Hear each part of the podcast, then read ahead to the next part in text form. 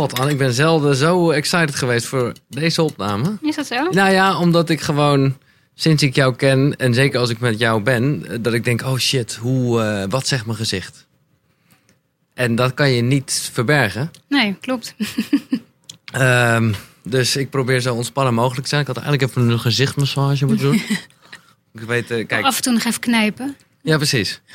Anne, ehm, Anne, Anne Gijzer, profiler zal ik je zo neerzetten. Ja, no- non-verbaal profiler zeggen ze Ja. dan. Ja. Nou ja, en dat non-verbale, daar hadden we het al over. Dat is wat je gezicht eh, zegt.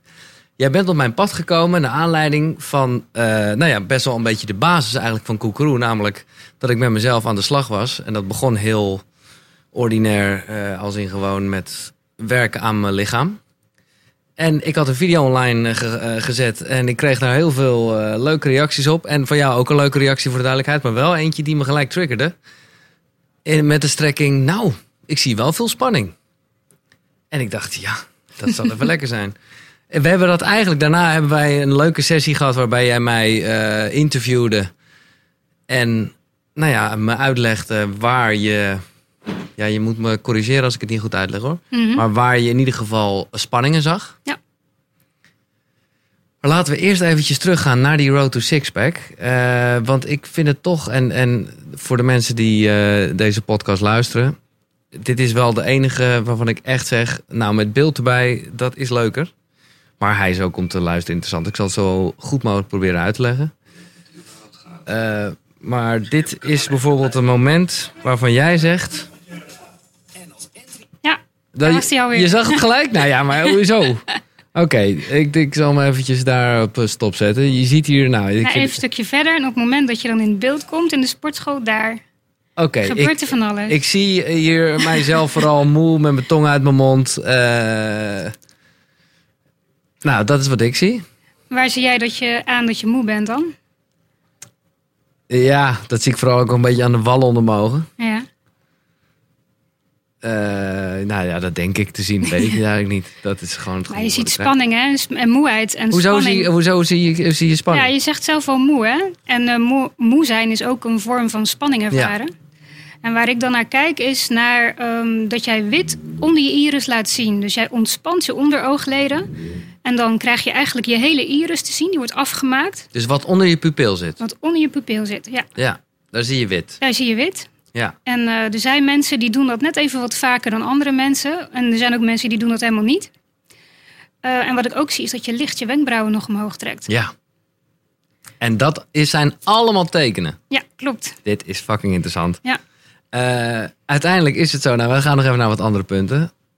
Hier zien wij ook een specifiek ding. Namelijk, ik denk dat het net iets verder is.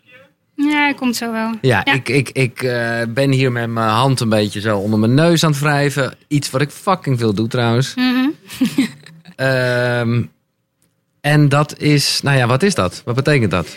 Nou ja, ehm, sowieso, ik als non-verbaal profiler met een specifieke methode kijk vooral naar het gezicht. Hè? Dus dat Ja. wit onder de iris en je wenkbrauw omhoog. Maar er zijn ook mensen die eh, non-verbaal expert zijn en die kijken ook helemaal naar het- de rest van het lichaam. En eh, zo heb je ook een ex-FBI-agent, Joe Navarro. En ehm, hij houdt zich ook bezig met non-verbaal gedrag. En vooral wanneer je wel comfort voelt en wanneer je niet comfort voelt. Dus stress, geen stress. En ehm, als jij je hand voor je mond doet of net voor je neus veegt, dan zegt dat iets over eh, bijvoorbeeld jezelf gerust willen stellen. En hij noemt het dan een pacifier. En volgens mij hoor je hier hoe vaak je je buikspieren moet gaan trainen om Ja. aan de bak te moeten. Eh, dus ik zeg eigenlijk dan, oh shit, ik moet aan de bak. En dan probeer je dus jezelf een beetje gerust te stellen. Ehm, nou ja, dat is wat ik dan zie. Ik, we gaan gelijk even, dan hebben we deze analyse gehad. Maar dit is fabuleus. Want het stom is, is dat wij dit eigenlijk nooit besproken hebben. Nee, klopt. Jij hebt mij gemaild hierover en ik dacht gelijk, ja, je hebt helemaal gelijk. Want ik zit vol met spanning. Dus eh, ik vind het interessant. Maar daadwerkelijk waar jij het zag, hebben we tot nu dit moment nooit besproken. Dus ik Nee. vind het echt wel grappig. Ja, dat is ook zo'n momentje. ja, maar ik kan je niet gewoon zeggen dat ik gewoon altijd heel ongelukkig word als ik in een camera moet kijken. Ja, nou, dat, ja. Dat je zit niet voor niks op de radio. Nee, nee, maar dat is gewoon ook echt zo. Ja. Maar goed, het, eh, Ja, wat er gebeurt is over je borst wrijven. Hè? Dus dat is ook Ja. weer zo'n pacifier, wat, je, wat eh, Joe noemt. Ehm, eh, ja, dicht bij jezelf willen blijven. En dat is dan even spannend op zo'n moment. En dan ga je jezelf dus aanraken. Dat- of, ja, er zijn mensen die zichzelf aanraken om zichzelf gerust te stellen. Ja. Ik, ik hou ook mezelf de hele tijd vast. Ja, Oké. eh, ik heb het nu weer genoeg om met mezelf te zien. Maar dit is wel echt eventjes een leuke analyse. Eh even kijken. Ja, Zo, hier hier... er eh, voorbij, ja. Jezus, hier zag ik er echt mager uit, hè? Ja, hier zie je die moeheid ook heel erg. Dat is een mooi moment inderdaad. Dus je ziet hier je wenkbrauwen omhoog gaan. Ja. En dan zijn er ook nog mensen die zeg maar aan de binnenkant alleen een wenkbrauw omhoog trekken. En dat doe je aan één wenkbrauw doe je dat iets meer. Dat zie je ook aan de rimpeltjes aan je, in je voorhoofd. Ja. Ehm, en wat er ook gebeurt is dat je oogleden, je bovenste oogleden blijven eigenlijk deels nog over je iris heen hangen. En dat zegt iets over de mate waarop jij in staat bent om de spierspanning te gebruiken van je ooglid. Eh, en op dit moment niet. En je ziet ook wit onder de iris. Ja. En dat zegt mij dus ook iets over je, ja, je persoonlijke gedragsstrategie als het ware. Nou, namelijk kunnen we hier al verder op. Wat is mijn persoonlijke gedragsstrategie? Is? Ja, we zeggen, ehm, wij gaan uit van, ehm, eh, onze methode gaat uit van het feit dat je kan zien aan iemand eh, wat voor mate van stress hij beleeft. En mensen doen dat allemaal op een eigen manier. En we noemen dat een persoonlijk non-verbaal repertoire. Eh, dat betekent dat ieder mens eigenlijk een eigen setje aan beweging in het gezicht heeft. Eh, en jouw setje aan bewegingen ehm, is dus de wenkbrauw omhoog en wit onder de iris. En af en toe eh, deels geloken oogleden. En dat weer heeft weer te maken met jouw perceptie van gevaar. Dus hoe jouw brein geleerd heeft om gevaar in te schatten. En ehm, ja, wat jij dus doet als jij spanning ervaart. Jij zegt het woord gevaar. Ik zie dus gelijk, maar ik heb het nu door. Gaat mijn hand naar mijn mond. Alsof ik jeuk heb of zo. Helemaal Ja. niet. Nee, Maar dat, zijn allemaal natuurlijk onwijs eh Ja, je wordt je heel bewust van ja, jezelf. Helemaal crazy. Maar dat is wel tof. Laten we nog eentje doen. Ja. nog één fragment hieruit. En dan, eh, dan gaan we iets verder over nou ja, wat dat zegt. Wat ik wel al heel leuk vind en interessant... is dat... Nou ja, er zijn natuurlijk een aantal experts wel op dit gebied. En, en, en nou ja, sinds ik jou ken vind ik het super grappig en interessant... om daar eh, meer over te lezen en te kijken. En ik vind het wel heel mooi dat jullie eh, bij de Insight techniek... waar we straks eh, op doorgaan... het hebben over ongemak in plaats van liegen. Want Ja. dat is ook wat mensen zeggen. Van, Ja. hey, zie je wel, eh, je trekt een wenkbrauw op, dus je liegt. ja. Terwijl, dat kan, jij niet, dat kan je niet Nee. zo zeggen. Nou, eigenlijk zeggen we gewoon: er is geen enkele beweging die aangeeft of iemand liegt of niet. Nee. Ehm, want dan had jij al moeten liegen op het moment dat jij aan je neus had geveegd. Want eh, er zijn mensen die zijn ook van die school. Hè? Dus dat je als je aan je neus eh, zit, dat daar dan eh, bijvoorbeeld meer bloed naar je toe moet. Dus dat zegt iets over of je liegt of niet, omdat dat spannend is. Maar eigenlijk zeggen wij: je kan alleen maar iets zeggen of iemand spanning ervaart. En het is dan aan mij als investigative interviewer om te achterhalen waar de spanning vandaan komt. Ja. Dus het- is, je kan, het, soms is, zal het wel zo zijn. Ja, Want dan is de spanning van dat je dus inderdaad aan het liegen bent. Ja. Maar het zou ook gewoon iets anders kunnen zijn. Ja. Ja, het is vooral eigenlijk afhankelijk van je persoonlijkheidsstijl. Hè. Wanneer lig je niet en wanneer wel. Heeft ook heel erg te maken met het eh, eigenlijk zorg dragen voor je eigen motieven en je belangen. Hè. Dus eigenlijk een soort van zelfbehoud waar je dan naar zit te kijken. Ehm, en ook nog de context. Dus in de ene context kan jouw persoonlijkheid of je gedragsstrategie iets wel spannend ervaren en in een andere situatie weer niet. Dus je hebt heel veel informatie nodig. Wil je daadwerkelijk eh non-verbaal gedrag kunnen analyseren als het ware. Laatste stukje. Even kijken, Yes. wat zie je hier? Eh, Ik geloof dat dit Ja, een... volgens eh, mij eenzelfde soort stukje. Oh ja, dit was een dieptepuntje in de hele Road to Sixpack. Misschien wel je grootste dieptepuntje, of niet? Ja, absoluut.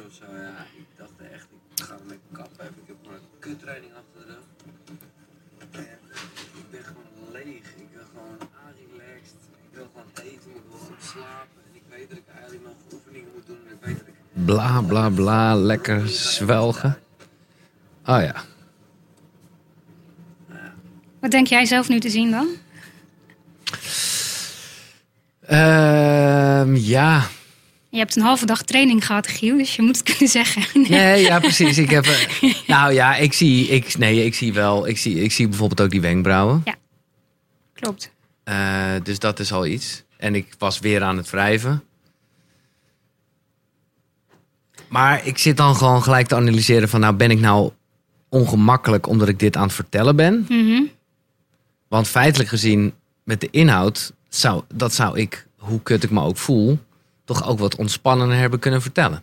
Ja, Dus ergens zie ik bij mezelf, maar dat is natuurlijk ook omdat ik in mijn eigen brein eh, een beetje ken, zie ik ook een soort van.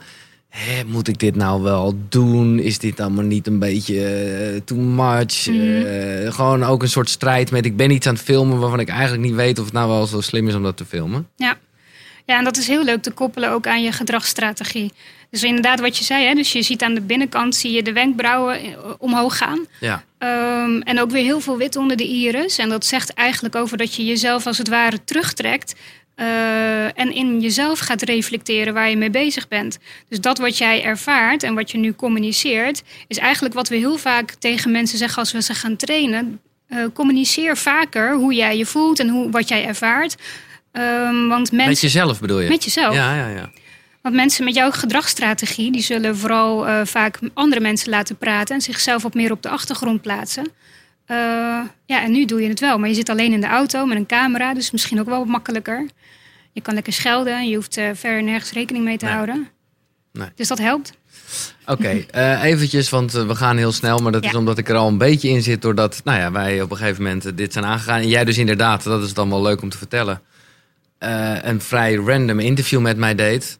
Met ook gewoon allemaal vragen die, waarvan ik nog dacht, ja, is dit interessant? Of, maar dat was voor jou, begreep ik later, om ook gewoon een soort neutrale, om gewoon te weten wat je Mhm. patroon is.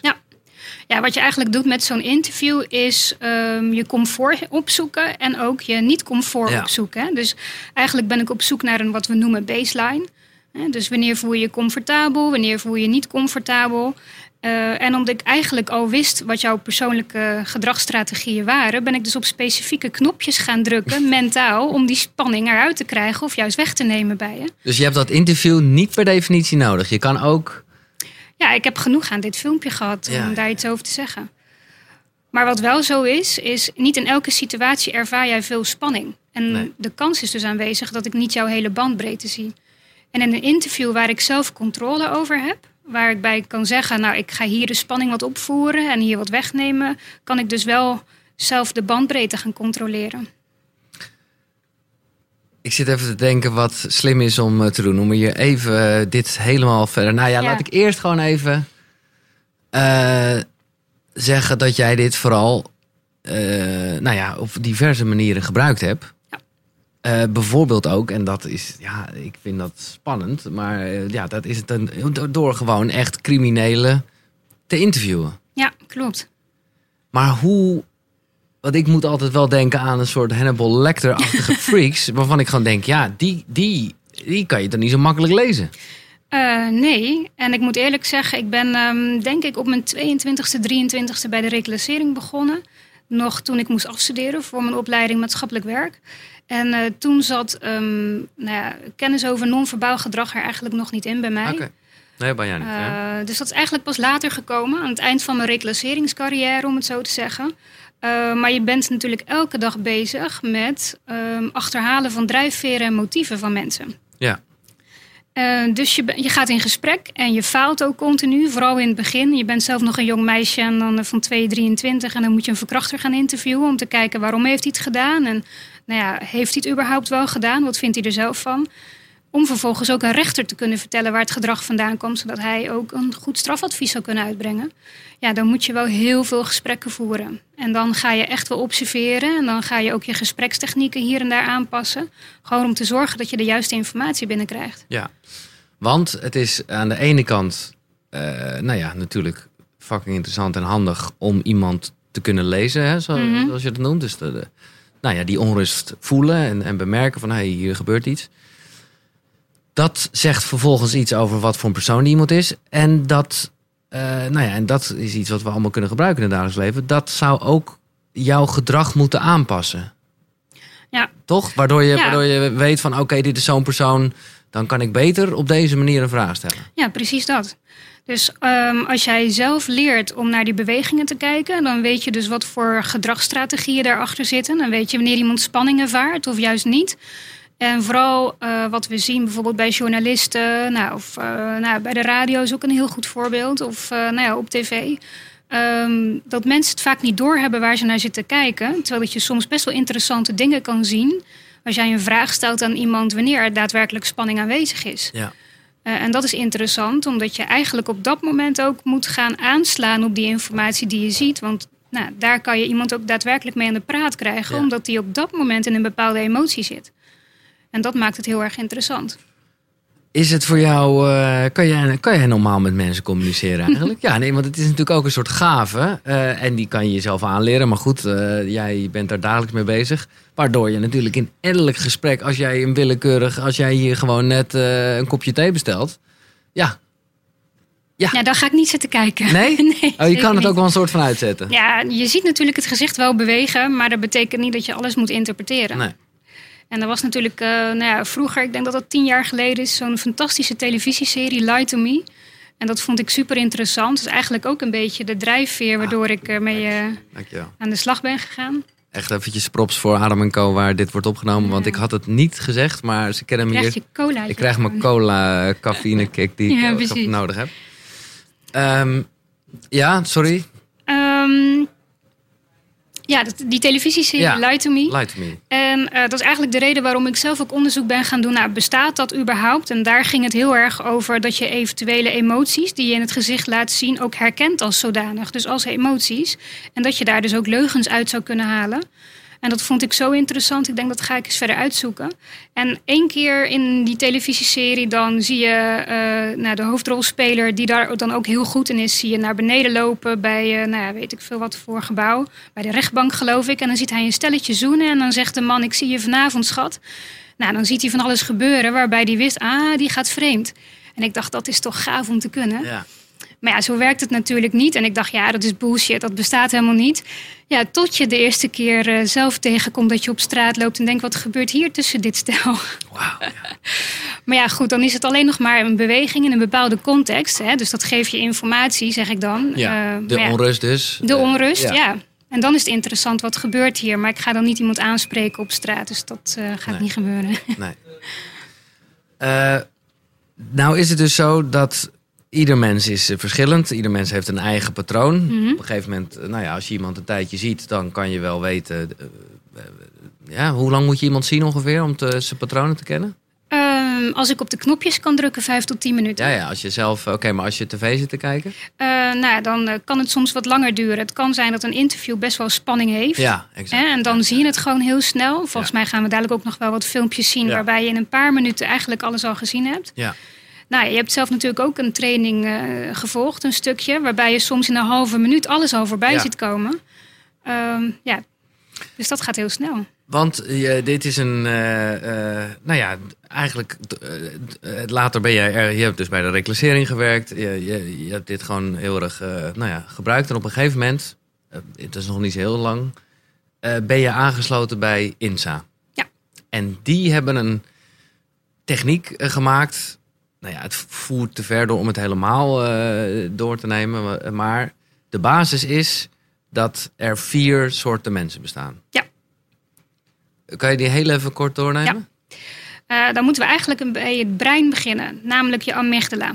En eh, je amygdala die, eh, die eh, registreert eigenlijk jouw perceptie van gevaar. Dat is dat reptiele ding, Dat hè? is, oude, ja, of niet? Of mag- ze, zeggen, ja Oh. ze zeggen reptiele brein, maar het is een onderdeel van het limbisch brein, zoals we dat noemen.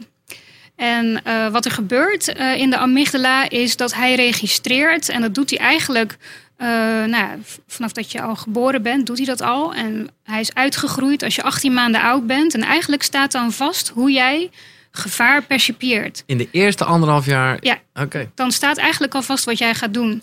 Ehm, en wat er dan gebeurt is, ehm, nou ja, wat we eigenlijk noemen fight, flight, freeze gedrag. Hè? Dus jouw perceptie van gevaar is, ik, eh, ik eh, moet me terugtrekken, want het is te spannend. Eh, of ik begrijp de situatie niet en dat moet ik rationaliseren en dan hoop ik dat ik eruit kom. Of ik moet gaan handelen omdat het gevaar zo groot is dat ik niks anders meer kan doen dan handelen. En er zijn er ook nog mensen die doen van alles wat. En daar kom je dus inderdaad uit op vier types. Ja. Ehm, en die vier types die laten eigenlijk zien eh, waar ze in communicatie behoefte aan hebben. Ehm, dus eh, mensen die zich naar binnen trekken noemen we freeze-types. En dat zijn eigenlijk mensen die eh, heel graag respect en relatie en contact willen ervaren met andere mensen. Hebben ze dat niet, dan gaan ze stress ervaren. Je hebt ook mensen die eh, veel rationeler zijn. Die moeten alles willen begrijpen. Die hebben veel tekst nodig. Die hebben structuur nodig. En die hebben daar ook behoefte aan. En als ze het niet hebben, dan ervaren zij stress. En wat er dan gebeurt, is dat ze eigenlijk heel rigide worden. Zowel in hun gezicht als in hun lichaam. Is dat fight of wat is dat? Dat is flight. Dat is flight. Ja. Oké, ja, Ja. ja, oké, ja. En eigenlijk, eh, mensen interpreteren dat ook heel erg eh, vaak verkeerd. Hè? Want flight is eigenlijk niet letterlijk wegrennen van een situatie. Maar flight is eigenlijk wegrationaliseren van je emoties. Ja. Want onder spanning of onder stress hebben emoties geen zin. Dan moet je wat anders gaan doen om te overleven. En dan heb je ook nog mensen die, eh, die vooral willen handelen. Dus die de neiging hebben om altijd maar in de actie te gaan. Om te zorgen dat ze nou ja, in beweging kunnen blijven. Dat is fight. En dat is fight. Ja. En eh, wat we bijvoorbeeld bij mij een beetje zagen, hè, met dat eh, wit onder je ogen Ja. en eh, onrustig aan, aan dingen zitten en zo. Wenkbrauwen omhoog. Ja, precies. Ja. Dat is.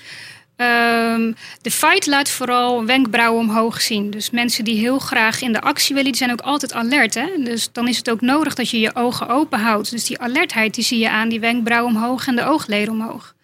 En dat, dat freeze-gedrag zie je vooral aan spiertonus die zowel in het lijf als in het, eh, nou onder de ogen, in het gezicht ook verdwijnt. En daardoor ontspant ook je onderooglid en zie je ook wit onder je iris. Dus eigenlijk zouden we van jou kunnen zeggen dat er bij jou een combinatie is van een strategie waarin je aan de ene kant afhankelijk van de situatie in je freeze trekt, hè, dus naar binnen trekt, en aan de andere Ja. kant juist meer eh, nou, in de actie wil. eh, en juist de neiging hebben om te gaan handelen als het spannend wordt. Ja. Dus het is vaak een, een, een combinatie van twee of soms zelfs drie van die Ja, dingen. ja. En dan is het een beetje aan de hand van nou ja, de situatie eh, waar het accent op ligt. Ja, klopt.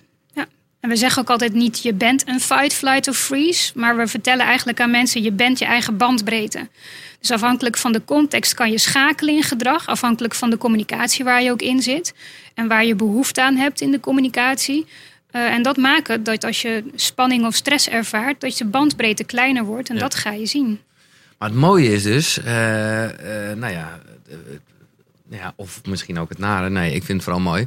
Je kan dit niet Nee, aanpassen. nee, klopt. Je kan niet, dus, dus, dus zelfs, eh, nou ja, ik zei er net voor de gein even Hannibal Lecter, omdat het gewoon een soort doorgeslagen gast is waarvan je, nou ja, het is sowieso eh, fictie, Ja. maar waar, eh, waarvan je denkt van, oh, die kan, die kan zelfs dat aanpassen. Maar er is geen mens op de wereld wat kan denken, oh, ik doe gewoon even, nou ja, ik doe gewoon even anders. Ja, of je faked het, of eh, je moet iets niet laten zien in een bepaalde situatie. Je moet niet laten zien dat je stress ervaart. Kan ik me bij die oud-reclasseringsklanten ook natuurlijk voorstellen. Als ze zeggen, ja, ik heb niemand verkracht en Ja. dan moet je je gezicht maar in de plooi houden. Maar wat er gebeurt is dat je spanning ervaart omdat je je gezicht in de plooi moet houden. Ja. En hoe meer spanning, hoe meer ik eigenlijk zie. Ja.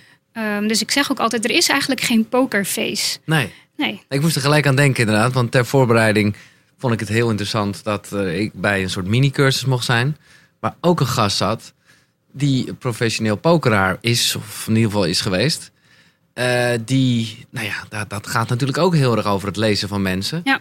Nou moet ik zeggen dat we er natuurlijk wel vaak een zonnebril op hebben en ik snap nu nog meer waarom. Mhm. Eh, maar dan nog kan je bepaalde trekjes in je gezicht. Ja, je kan het. Ja. Ja. het zegt nog steeds niet dat ik bedoel, het blijft een beetje, zeker als je het voor pokeren gebruikt. Ja, voel je spanning. Maar ja, dat zegt niet dat je zit te bluffen of niet. Je kan ook gewoon Nee. de spanning voeren omdat je juist hele goede kaart hebt. Dus het is. Nou, ik denk dat ze zelfs een zonnebril over hun mond moeten gaan dragen. ja, ja, ja. Ja, maar zelfs maar dan, waarom? dan zie je onrust, maar dan weet je nog niet wat die onrust, Nee. waar die onrust voor is, toch? Nee, maar het is wel zo dat je vooral op de ogen kan zien, omdat die direct te maken hebben met het uitstralen van jouw perceptie van gevaar, is eh, nou ja, waar jij behoefte aan hebt in de communicatie. Dus eigenlijk zegt dat iets over je persoonlijkheid en over je gedragsstrategieën. Ja. En als je beweging op de mond laat zien, zegt dat veel meer over de temperatuur van de situatie. Eh, dus bijvoorbeeld mensen die hun lippen naar binnen trekken, of mensen die bijvoorbeeld even snel hun tong naar buiten steken. Of mensen die één eh, mondhoek eigenlijk even omhoog trekken.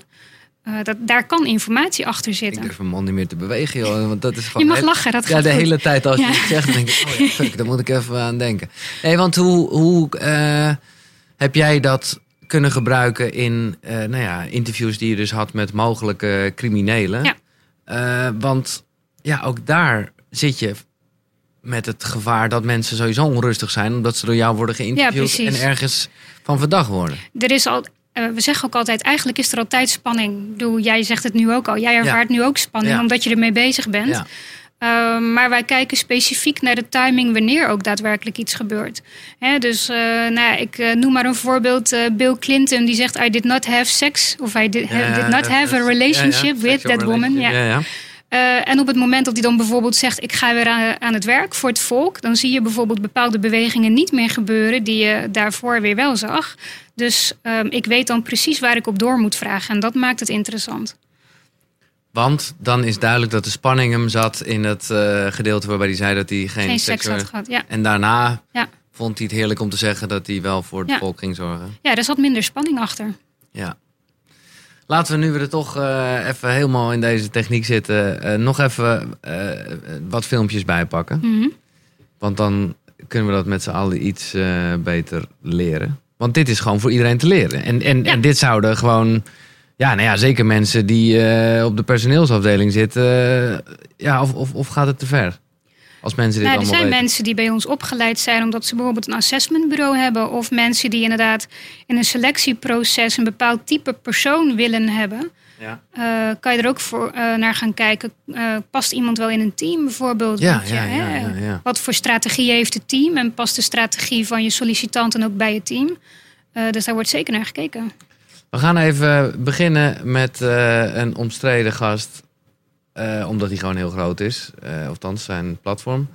Mark Zuckerberg. Ja. Wil je, wat wil je er van tevoren over zeggen? Of, Nou, eh, wat je heel vaak hoort en ziet, Mark Zuckerberg is natuurlijk ook een aantal keer verhoord hè, voor het Senaat. Ja, En wat heel veel mensen over hem zeggen, is dat hij dan zo koud en kil overkomt. we hadden het laatst ook weer met Marco van Basten. Ja. Die dat ook een beetje heeft. Ja, dus de spiertonus die gaat omlaag. En waar je naar zit te kijken voor je eigen gevoel en volgens je eigen interpretatie. En eigenlijk ook volgens je eigen perceptie van gevaar. Wat een koude kerel is Ja. dit.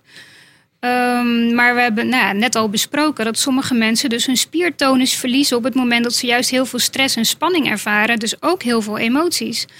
En als je naar Mark Zuckerberg gaat kijken, dan heb ik een aantal momentjes eruit gehaald waarbij je dus ziet dat de emotie de ene kant op gaat. Dus veel meer naar zijn freeze trekt. En in een andere situatie veel meer naar zijn flight. Mag ik play drukken? Ja? Ja,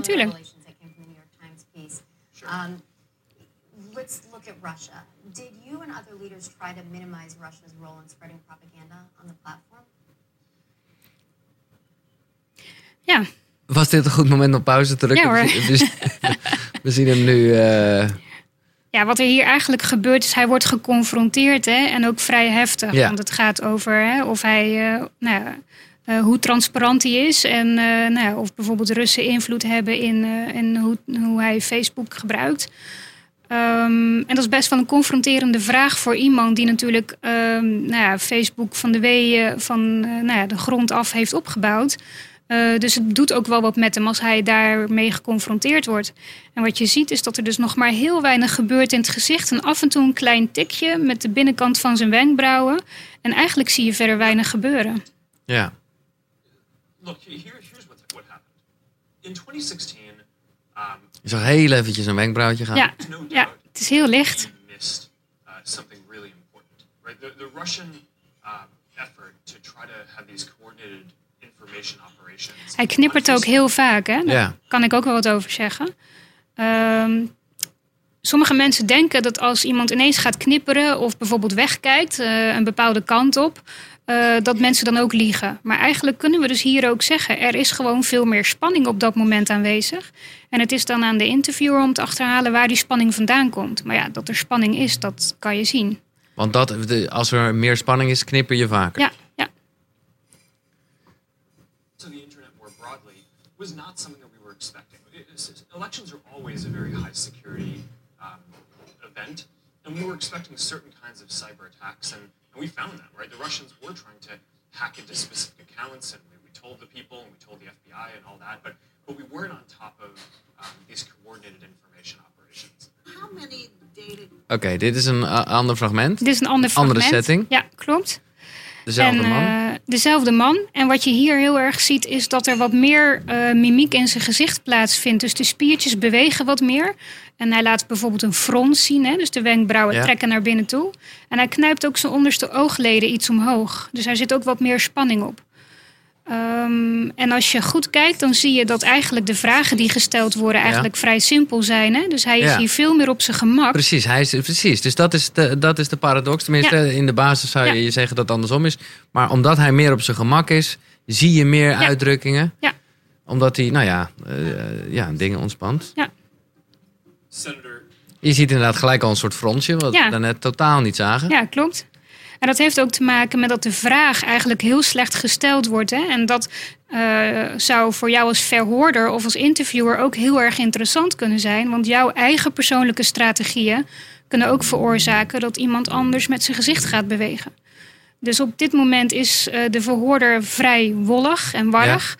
En begrijpt hij de vraag niet. En dat is logisch, want hij zit in zijn flight. Hij heeft structuur nodig, hij heeft logica nodig, wil dingen begrijpen. En dan gaat hij dus meer knijpen met zijn onderoogleden. can you clarify what you mean by data Well, there's, there's some past reports that have been out there that indicate that, it- that Facebook collects about 96 data categories for those 2 billion active users. That's 192 billion data points that are being generated, I think, at any time uh, from consumers globally. So Voor mij als verhoorder is het super tergend ook natuurlijk, hè, als ik hier naar kijk. Omdat, ze- omdat je gewoon denkt, ze pakt de Ja. verkeerde me- methode. Ja, De nee, ze praat heel veel. Hè. Je gaat geen informatie krijgen als je zelf blijft praten, hè, zeg ik altijd.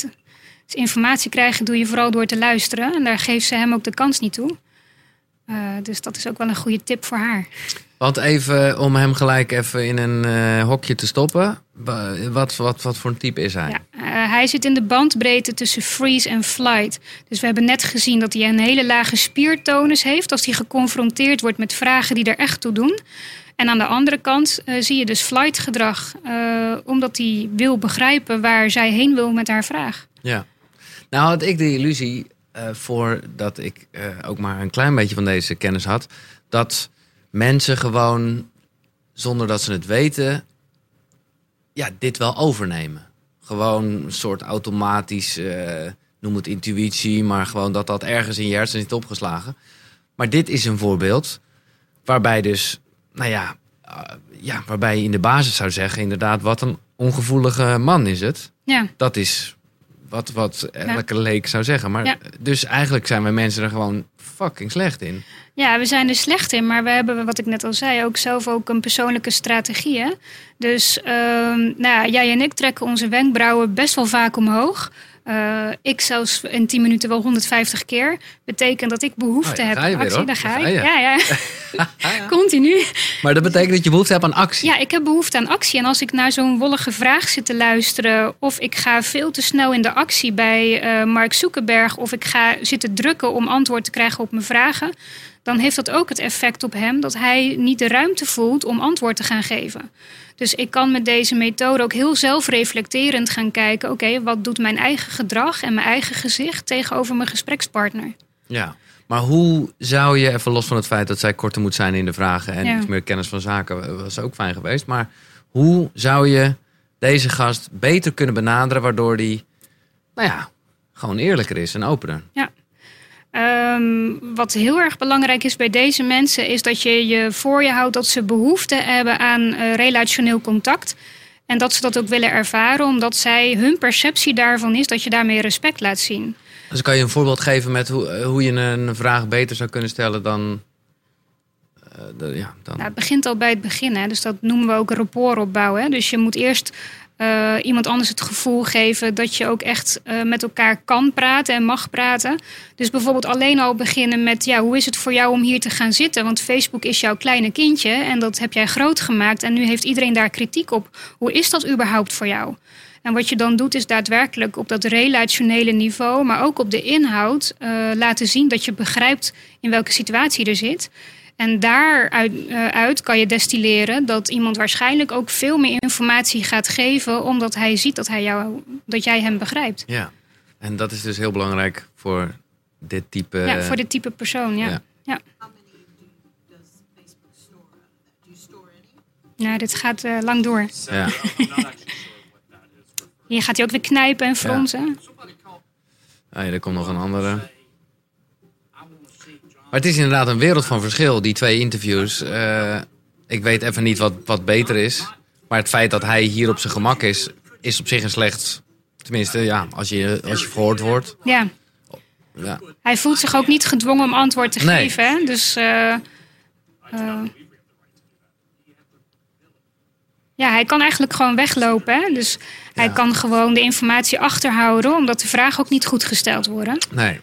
Dus hier ga je ook je doel niet bereiken. En dat is wat we ook heel vaak leren aan journalisten. Maar, ehm, ja, kijk, nou is het in dit geval is hij gewoon de baas, dus is hij degene die hier dat woord moet voeren. Ja, Maar je zou daar dus, bedenk ik me nu, ook nog wel in kunnen doorslaan. Of nou ja, gewoon eh, een actie in kunnen ondernemen. En gewoon denken van oké, hij is dus geen goede woordvoerder. Mhm. Eh, want, nou ja, hij, hij, het lijkt Ja. alsof hij geen emotie heeft. ja, of je zou zeggen, we gaan hem trainen en dan ehm, nou, zorgen dat hij ook zijn, ehm, nou ja, zijn communicatie wat beter onder controle heeft. Dat Ja. hij bijvoorbeeld hier in deze situatie zou zeggen, eh, zou u het eh, nou ja, anders kunnen vragen aan mij, want ik begrijp niet waar u heen wilt. Nee, nee. Dus, krijg je Oké, dus jij zegt, dat is wel een goeie. Jij zegt, eh, je, kan niet, je kan niet aanpassen wat je, eh, hè, wat je, wat Nee. je lichaam toont. Maar je kan natuurlijk wel jezelf aanpassen. Ja. Dus als jij ontspannender bent, dan ben je minder met je wenkbrauwen bezig. Ja, of dit is ook. Spanning is spanning, hè? Maar dit is Ja. ook positieve spanning. Ja, ik vind het ook leuk om het over te brengen. En dat weet je natuurlijk ook nog niet. Nee. eh, wat voor spanning het is. Dus daar moet je ook nog informatie over krijgen. Maar het is vooral zo dat ehm, je gezicht kan je niet beïnvloeden, omdat het allemaal met de onbewuste kant van je brein te maken heeft. Hè? Dus jouw perceptie van gevaar, dat gaat allemaal wat we noemen achter de schermen, vindt dat plaats. En pas daarna ga jij daadwerkelijk die emoties ook ervaren of voelen. Ehm, en daarnaast, ehm, je kan er wel voor zorgen dat je dus emotioneel beter in je vel zit. En dat noemen we bijvoorbeeld helikopterview of een metaniveau bewaren. Omdat je zelf weet wat jouw eigen strategieën zijn. Als je stress ervaart, kan je ook leren hoe je daarmee omgaat. Maar ik heb ook de indruk dat het ook andersom wel werkt. Eh, bijvoorbeeld, ja, hoe slecht het ook klinkt, maar ik raad aan iedereen die dit luistert of kijkt, toch gewoon even te doen. Als, je, als ik nu ga lachen, terwijl ik niet per definitie hoef te lachen, Mhm.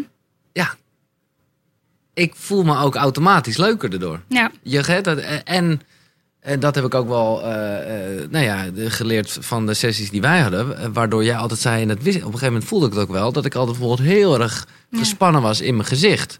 En nu, nou ja, heb ik dat nog steeds wel hoor. Want dan voel ik het gewoon heel erg aan elkaar. Maar ik, ik weet wel, ik ben er wel meer bewust van. Mhm. Waardoor ik ook af en toe denk, oké, laten, die- loslaten. laten we die kaak even hangen. ja.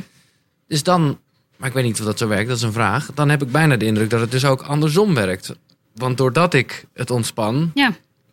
Nou ja, gebeurt dat ook eh, in mijn hoofd, zeg maar. Ja, wij hadden natuurlijk ook besproken dat die kaakspanning, hè, of Ja. die, die spanning in je wangen die je ervaart, heeft ook heel vaak te maken met wat we bijvoorbeeld noemen de sociale glimlach. Ja. En ik noem hem ook wel de wandelgangen Ja. Want als je 's morgens nog je bakje koffie niet hebt gehad en je Ja. weet waar je op je werk in terechtkomt en eh, je hebt herrie om je heen, maar je weet ik moet eerst even bijkomen, dan wil jij, vooral in jouw situatie omdat jij in freeze fight bent, eigenlijk wel laten zien eh, aan de ander, ik heb je wel gezien, maar ik ben er nog even niet aan toe. En eigenlijk onbewust krijg je dan de zogenaamde sociale glimlach.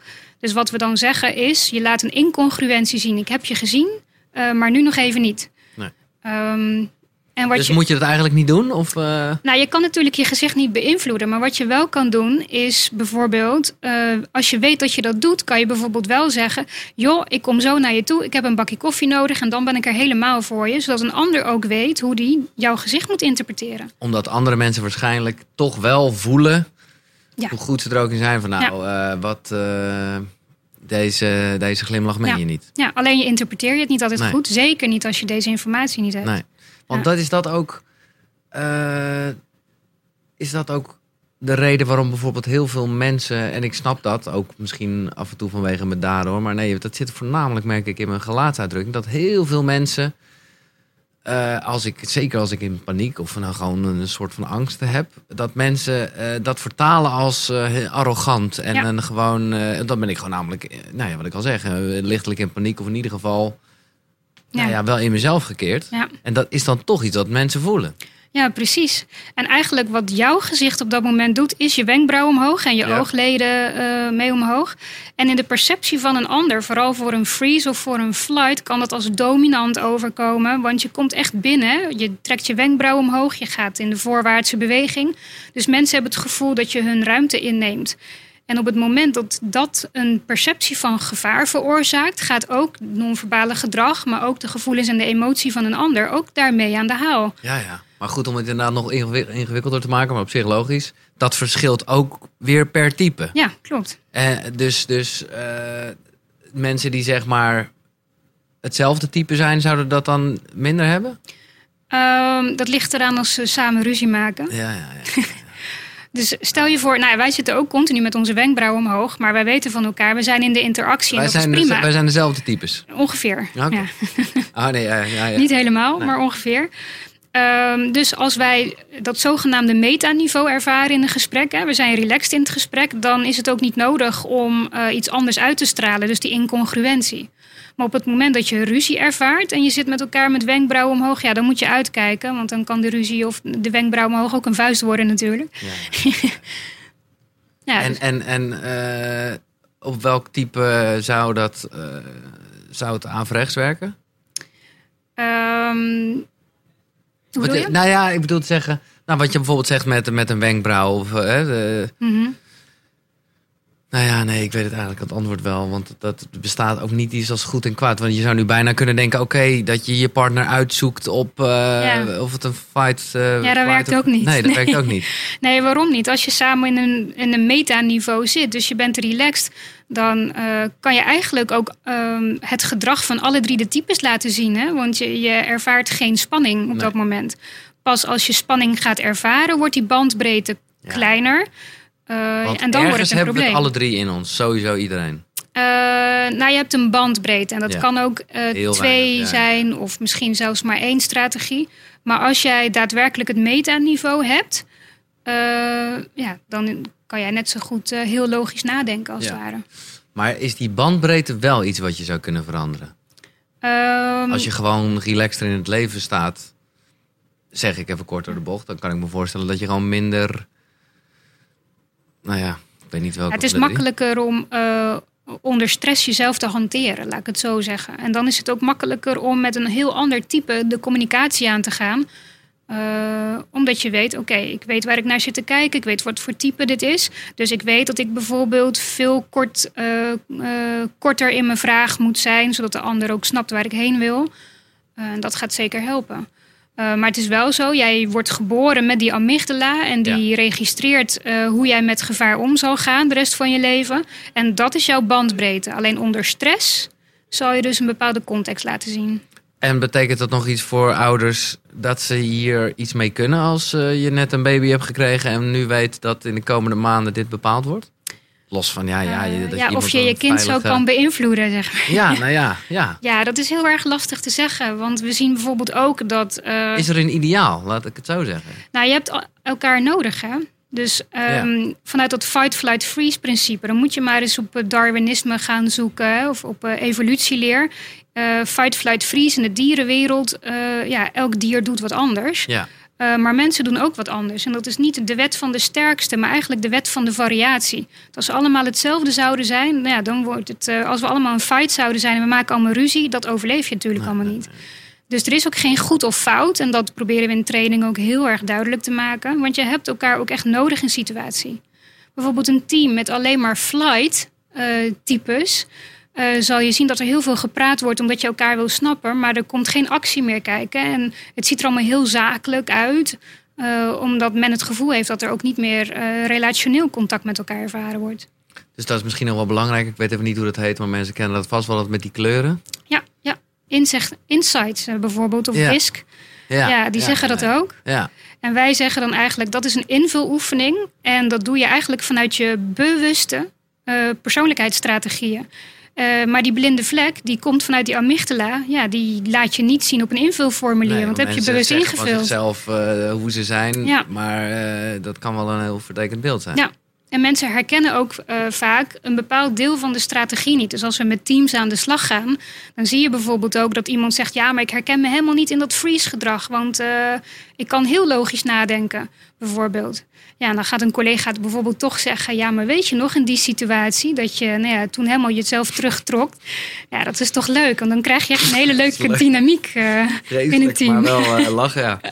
Oké, we gaan... Je moet het met je collega's doen. Ja, ja, ja, maar ik moet zeggen, eh, elke keer als we het hierover hebben, dan, dan neem ik me weer voor om er bewuster op te zijn. Maar ik ben sowieso iemand die fucking slecht mensen aankijkt. Ja. Ik ben echt een auditief persoon. Ja.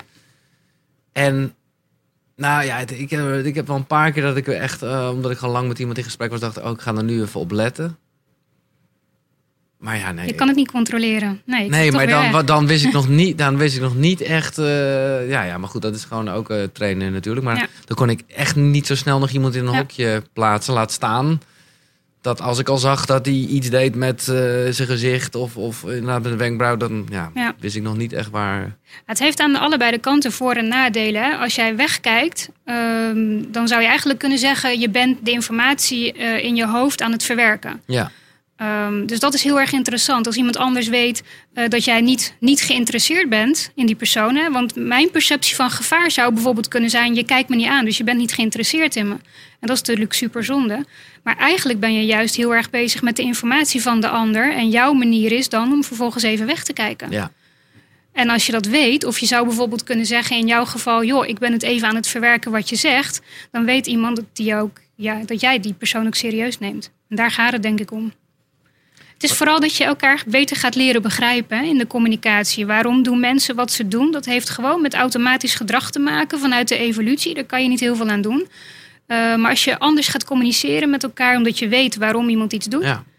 Nou ja, de wereld zou er echt natuurlijk wel een stuk mooier van worden. Ja. Op het moment dat mensen elkaar beter begrijpen. ja, precies. Dat is, dat, Ja. dat is wel echt het geniale eraan. Oké, we gaan naar. eh, ik ben heel benieuwd naar deze persoon. Ik vind het leuk dat jullie hebben uitgekozen. Want dat is op YouTube een eh, nou, omstreden persoon. Het is Paul. Het is eh, Paul Goudsmit, maar hij is beter bekend als King Alert. Ik vind hem soms moeilijk te plaatsen ook. Dus ik ben heel benieuwd wat de analyse gaat Wat, zijn. waarom vind jij het moeilijk te plaatsen? Of wat, wat zie jij zelf? Of Nou ja, maar dat is niet gebaseerd op, eh, maar dat is gewoon meer op, op, op de content die hij maakt. Ja. Eh, en, en wat hij dan zegt, dat ja, soms, ja, het, het, dat klopt gewoon niet helemaal. Maar tegelijkertijd, eh, ja, ook weer wel. Ja. Het is een beetje dubbel. Maar mensen zouden bijvoorbeeld kunnen denken dat hij heel vaak liegt. Of ehm, ehm, Ja. ja? Nou, niet, niet dat hij heel vaak liegt. Nee, niet dat hij heel vaak liegt. Maar hij, hij meet soms wel een beetje met twee maten. Ja. Maar tegelijkertijd, ik heb altijd, ik bedoel sowieso respect. Maar eh, hij is, ja, ik vind hem altijd wel een soort rustig overkomen. Ja. Waardoor je wel denkt van, nou ja, dat, en dus overtuigend. Wordt ook vaak gezegd hè, dat als mensen juist heel veel tekst gebruiken, dat ze zouden kunnen gaan liegen omdat ze van tevoren overal hebben nagedacht. Eh, maar dat is in dit geval niet helemaal zo. Oké, ik ga eh, ook al eh, z- zelfs, eh, Ik kreeg al veel kritiek vanuit de community. Of veel grote YouTubers ik zag een wenkbrauwtje. Ja, wenkbrauwen aan de eh, binnenkant, hè, Ja. die gaan omhoog. We noemen dat dan wenkbrauwen midden. Je hebt mensen dus die aan de binnenkant hun wenkbrauwen optrekken. En mensen zoals jij en ik die ook aan de buitenkant hun wenkbrauwen optrekken. En dat zegt echt iets heel anders. Ehm, wenkbrauwen midden zegt bijvoorbeeld niks over actiegericht gedrag. En als de wenkbrauwen helemaal omhoog gaan, zegt, is dat dus wel actiegericht gedrag. Maar wat is dit wel dan? Eh, dit is wenkbrauwen midden, dus niet actiegericht. Nee, oh, niet actie. Ja. naar aanleiding Nog komen en ik werd. Weer eventjes eh, zo... eh, Ja, een ligt die wenkbrauw omhoog? Ja, precies. Maar wat er bij hem vooral gebeurt, is dat hij heel erg mooi zijn onderoogleden aanspant. Dus het knijpen van de Ah, onderoogleden. Ja. Dus zijn ogen worden als het ware klein. Eh, en dat zegt iets over zijn gedrag. getrokken door de halve community. Ook YouTubers waar ik al aanvaringen mee gehad had, hadden kritiek. Eén daarvan is een Belgische streamer genaamd Erkin.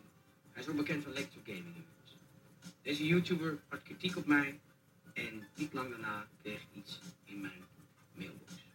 Heel veel rust, maar dat is puur op, oude, eh, op, op Ja. inhoud eh, gebaseerd. Op inhoud gebaseerd. Dus hij vertelt heel veel en heel gestructureerd Ja. over hoe een situatie is ontstaan en Ja. waar het vandaan komt. En dat wenkbrauwen midden omhoog, dat is misschien ook wel leuk om te vertellen. Dat werd vroeger in een andere school of in een andere methode ook wel angst genoemd. Dus als je daarnaar zit te kijken, dan herken jij dat als angst. Eh, ja, en dat is eigenlijk nou, jaren zeventig werk. Hè. Dat komt van Paul Ekman vandaan. En ehm, eigenlijk zeggen we net als wat we, waar we het eerder over gehad hebben... er is geen enkele beweging die daadwerkelijk een Nee. specifieke Het informatie is geeft. onrust in ieder Het is geval. onrust, het Ja. is spanning. En of dat positief is of negatief, dat maakt dan nog niet zozeer uit. Eh, maar als je daarnaar zit te kijken, gaat het dan niet per definitie uit... dat je bijvoorbeeld naar angst zit te kijken of naar een leugen of Nee. Eh, dat. Maar het is dan wel, als we het bijvoorbeeld hiermee, eh, als we er toch even analyse op loslaten, dan komt hij heel rustig over. Je merkt ook Mhm. aan alles dat dat vooral zijn doel is om het zo duidelijk en rustig mogelijk over te brengen. Ja. Op het moment dat er dan toch van die spanningselementen zijn, kan je toch in ieder geval wel zeggen dat hij niet zo rustig erover is als dat hij wil doen voorkomen. Nee, klopt. Oké. Dit is een ander stukje. Ja. Eh, want hij is, eh, zit in een andere gemoedstoestand in deze? Ja, je ziet hier dat, er, dat ook dat wit onder de iris, wat jij af en toe ook Ja. laat zien, dat zie je bij hem hier heel goed. Dus je ziet eigenlijk de andere kant van zijn bandbreedte. Dus je hebt Ja. net naar het aanspannen van die onderoogleden gekeken. En hier, En dat is meer, eh, is dat eh, dat is meer flight. a flight? ja. Dus daar is die, dat hoor je ook aan zijn tekst en de woorden die hij gebruikt, heel gestructureerd. Hij wil het allemaal snappen, hij wil het goed overbrengen. Hij is daar heel zorgvuldig in. Dat is een hele mooie kwaliteit. En aan deze kant, op het moment dat hij ook gaat vertellen wat eh, de situatie met hem gedaan heeft, zie je ook veel meer wit onder de iris. Dus eigenlijk laat hij hier veel meer zien. Ik heb eigenlijk behoefte aan de, een goede relatie met iemand of naar een goed contact met iemand. En ik voel me niet gerespecteerd, is eigenlijk wat hij zegt. En dat is dus? Freeze. Dat is freeze, ja, Ja. precies. is dat Egbert, Jeffrey dus, zich heel erg ongemakkelijk voelde bij deze uitspraak in de Q&A van Wendy en mij. Hij voelde zich later bleek zelfs een beetje bedreigd. Hij zal zich afvragen, waar komt dit nou vandaan? Waar komt die haat, die Wendy en ik duidelijk uiten daar in de video, richting Egbert en richting Linktijger? Waar komt dat nou? Knipper, hij knippert ook echt meer dan daarnet. Ja. ja, dus het komt ook dichterbij, want hij heeft het ook bepaalde emoties. Hij heeft het over haat en dan Ja. zie je ook de wenkbrauwen weer omhoog gaan. Eh, en dat wit onder de iris, dat, eh, dat wisselt hij af met die wenkbrauwen. Eh, dus het zit veel meer bij eigenlijk de informatie nou, waar het eigenlijk over gaat. Hè? Dus wat het met hem doet, eh, dat brengt hij over op dit moment. En dat is eigenlijk congruent. Dus je zit niet naar iemand te kijken Die loopt te lullen. Die loopt te lullen. Nee. Nee. Tenminste, voor zichzelf niet. Nee. nee, hij gelooft hier echt in. Ja. 9 april was het laatste contact met Egbert. 11 april, donderdag, vroeg in de ochtend, vertrok ik naar Spanje met mijn vader. Ja, ja, ja, ja. ja. Maar is het, eh, dit is eh, gewoon natuurlijk, eh, hoe zeg je dat? Dit maakt verder niet, zoveel uit. Maar nog eventjes terug naar jouw reclasseringstijd. Ik bedoel, is het, is het rechtsgeldig zoiets? Kan je zeggen Nee, van, nee. ja, nee. En dat is eigenlijk ook best wel lastig. Ehm, en dat zou je ook in verhoor bijvoorbeeld kunnen zeggen. Hè? Dat je in een bepaalde verhoorsituatie als verhoorbegeleider optreedt. Dat heb ik ook gedaan in mijn, in mijn carrière daarna.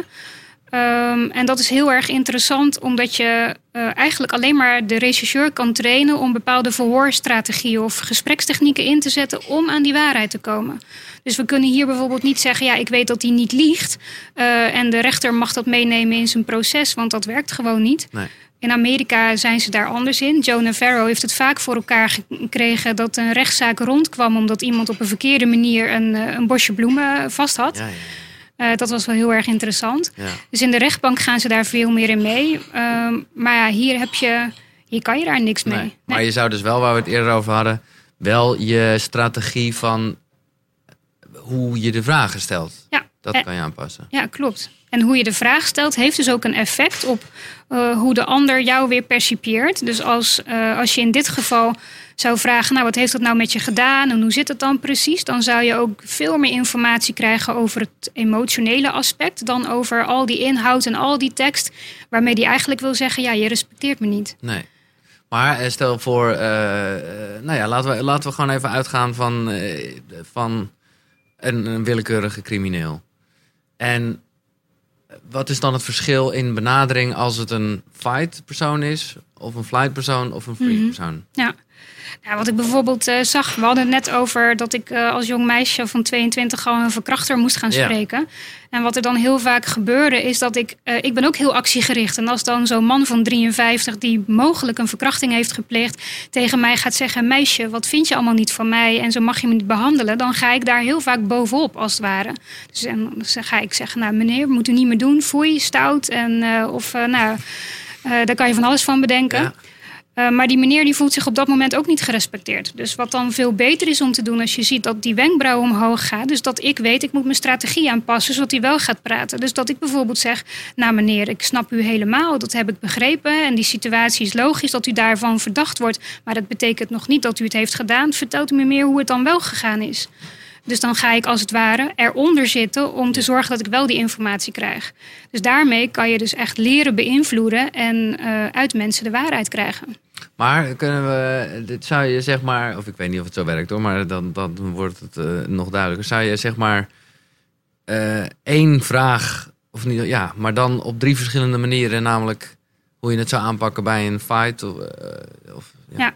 Nou, vooral als bijvoorbeeld eh, eh, mensen die het conflict opzoeken, hè, die heel snel in de, in de actie gaan. Ja. Eh, daarbij is het gewoon verstandig om af en toe te zeggen: doe eens even niet. Of eh, stop eens even, je bent zo druk. Want die mensen die zoeken eigenlijk juist hun grens op. En als Dat da- is wat mensen dan ook eigenlijk willen. Die eh, willen dat horen. Die willen die confrontatie best wel aan, eh, omdat ze dan weten waar ze aan toe zijn. En dan hebben ze niet meer de behoefte om continu die grens van de ander op te zoeken. Want eigenlijk willen ze informatie om door te kunnen gaan. Dus op het moment dat jij steeds meer naar achteren trekt, hè, bijvoorbeeld een freeze, steeds meer naar achteren neigt te gaan en dan maar denkt ik laat het over me heen komen. dat die- zou ik persoonlijk doen als ik ja, zo hoor. Ja, ja, ja. precies. Eh, dan krijg je dus niet meer wat jij zelf wil of wat jij in die relatie nodig hebt. Namelijk dat je even de confrontatie kan opzoeken. En eigenlijk kan je met deze mensen heel goed ruzie maken en vervolgens een biertje drinken. Ja. Want ze hebben zoiets van: oké, hierna kunnen we weer praten. Ja. En bij een freeze is het weer heel anders. Want dan moet je eerst eventjes, hè, ook in een verhoor, eh, even een bakje koffie. Hoe is het met jou? Hoe, hoe vind je het dat je hier hè, zit? En ja, het is allemaal verschrikkelijk. En we begrijpen dat allemaal. Dat moet je natuurlijk ook wel integer doen. Nee, nee, ik begrijp dat het geen truc is. Maar Het is geen truc, maar waar het om gaat is dat jij de intentie laat zien dat je een ander echt wil begrijpen. En daarmee zorg je er ook voor dat de freeze ook gaat praten. Ja. En de flight? Bij de flight is het belangrijk dat je al van tevoren goed voorbereid bent. Want een flight heeft overal een antwoord op. Dat heb je bij King Alert ook gezien. Ja. Als jij hem een vraag stelt of je beschuldigt hem van iets, dan komt hij met een hele lange lijst waarom het wel of niet zo is. Eh, en dat wil je stoppen, want eigenlijk geeft dat geen informatie. Nee. Dus als jij goed voorbereid bent van tevoren, dan weet je precies waar je iemand ook eh, daadwerkelijk even kan stoppen. Eh, Maar hoe zou je die meer op zijn gemak, hè? want dat, bij die andere heb je daar wel Ja. twee duidelijke knoppen voor. Namelijk of gewoon een beetje de confrontatie aangaan of juist begrip tonen. ja. Eh, hoe zit dat bij een eh, flight-achtige King Alert? Eh, ja. Waar het vooral om gaat bij deze mensen, het conflict vindt plaats als je elkaar niet begrijpt. Dat klinkt echt als een open deur, Nee, maar dat in dit geval is Ja. ook zo. Je begrijpt elkaar niet. Nee. Eh, en als je laat zien dat je wel goed voorbereid bent op de inhoud, waardoor je wel kan aansluiten op iemand, maar je vraagt bijvoorbeeld wel: wil je nog eens in je eigen woorden uitleggen waarom, wij, waarom je denkt dat we hier niet uitkomen? Eh, dan geef je de ander ook daadwerkelijk ruimte om dat gedrag te laten zien, waardoor je het gesprek weer op gang krijgt. Wauw.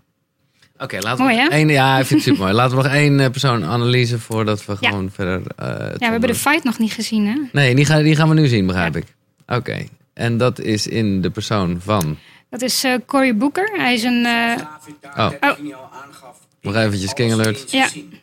screens van Discord, Twitter DM en WhatsApp. Tussen David en Linktijger en ook tussen David en Jeffrey. Aan de algehele houding die ze hadden naar David toe over mij.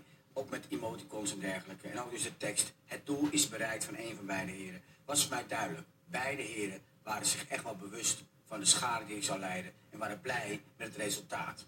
En gaven ook toe dat ze eigenlijk wel wisten dat eigenlijk alles out of context was. En dat zij ervan geprofiteerd hebben. En het gewoon zo allemaal naar buiten smijten onder het mom van humor. Terwijl het alleen maar was om mij te beschadigen. Dus dit is echt allemaal wel, flight. ja, hier zie je de onderoogleden Ja. knijpen. eh, en je ziet de wenkbrauwen midden omhoog. En dit stukje film is ook interessant, omdat je bij hem één mondhoek omhoog ziet gaan. Ja. En eh, ja, in de oude school van Paul Ekman eh, zou je dan zeggen: Oh, hij laat minachting zien. Eh, En dat is op zich ook wel logisch, hè? want hij laat hier zien eh, Ja. waar hij onder heeft geleden, wat hij van een ander vindt en dat hij inderdaad eh, misschien zich niet gerespecteerd voelt. Dus hier is het wel weer heel logisch dat minachting aan de hand zou kunnen zijn. Ja. Maar ik vind dan eh, Flight, eh, denk ik, wel echt de meest lastige gast eh, om mee om te Ja, gaan. freeze en flights hebben ook de meeste conflicten. Of ze trekken allebei eh, in zichzelf de een vanuit de inhoud en voor jou vanuit de relatie. Wat was ik ook alweer? Freeze.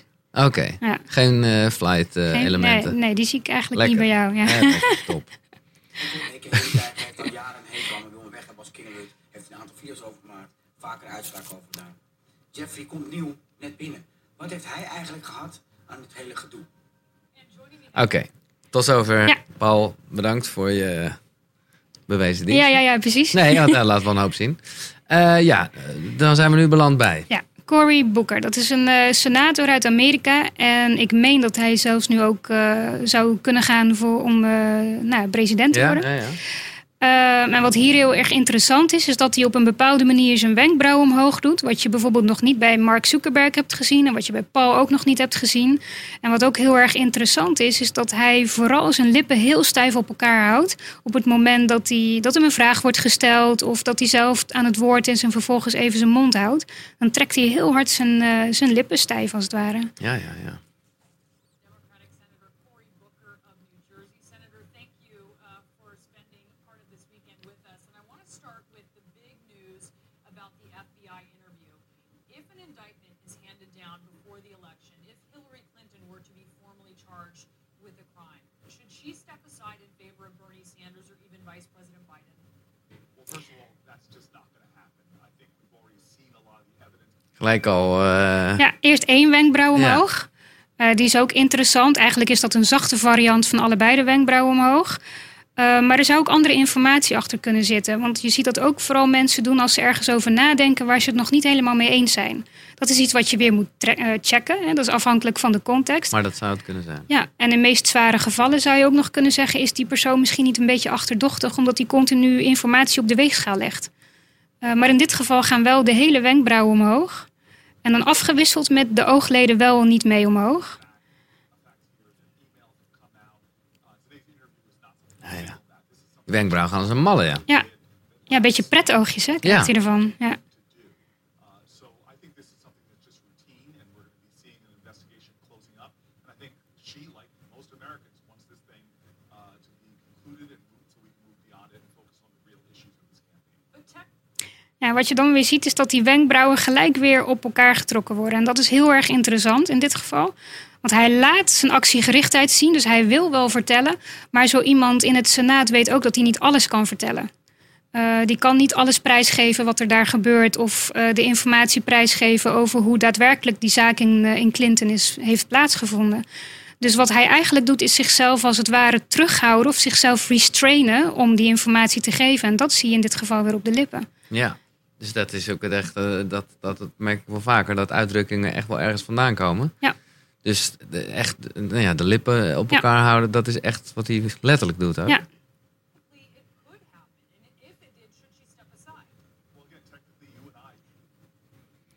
Maar het is wel grappig, want hij heeft, maar dat, is, dat ligt meer aan zijn ogen inderdaad. Hij heeft wel een soort guitig. eh, Hij heeft ook met zijn type te maken. Hij, eh, hij is zo'n type die eigenlijk een hele grote bandbreedte heeft. ja, En om eerlijk te zijn, hij heeft eigenlijk dezelfde bandbreedte als ik. Dus ik doe ook voornamelijk mijn wenkbrauwen omhoog. Soms zie je wat wit onder de iris. En dat maakt dat iemand ook in zijn gedrag heel dynamisch is. eh, en zeer alert. Dus hij is ook heel goed in staat in zijn kwaliteit om heel makkelijk te schakelen in de interactie met andere mensen. ja. En dat maakt dat het er af en toe guitig uitziet of eh, eh, ja, heel dynamisch en soms ook charmant zelfs. Dus als, hè, waar we het over hadden, als je als bedrijf of eh, als partij of wat dan ook, als je zou kunnen kiezen.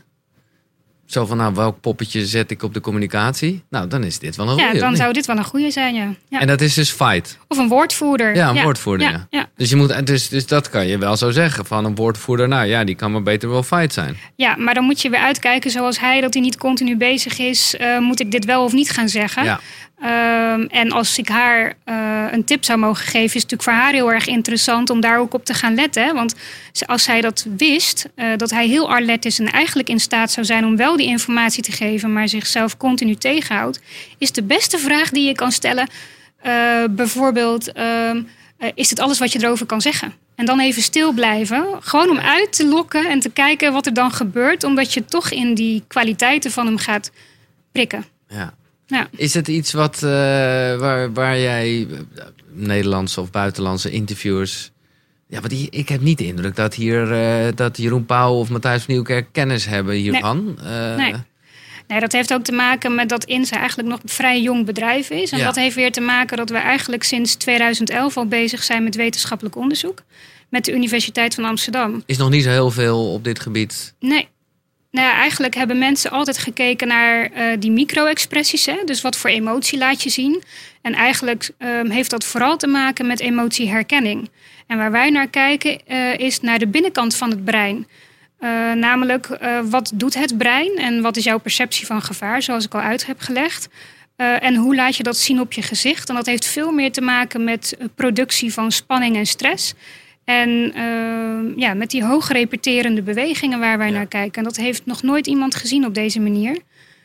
Dus ja, dat kost ook gewoon heel veel tijd en energie. Want je ziet, er zijn mensen die zo vaak een wenkbrauw omhoog trekken. En als je naar een interview van 10 minuten zit te kijken, zoals in een wetenschappelijk onderzoek je ook een deelnemer moet gaan coderen als het ware, moet je elke twintigste van een seconde beweging in beeld krijgen.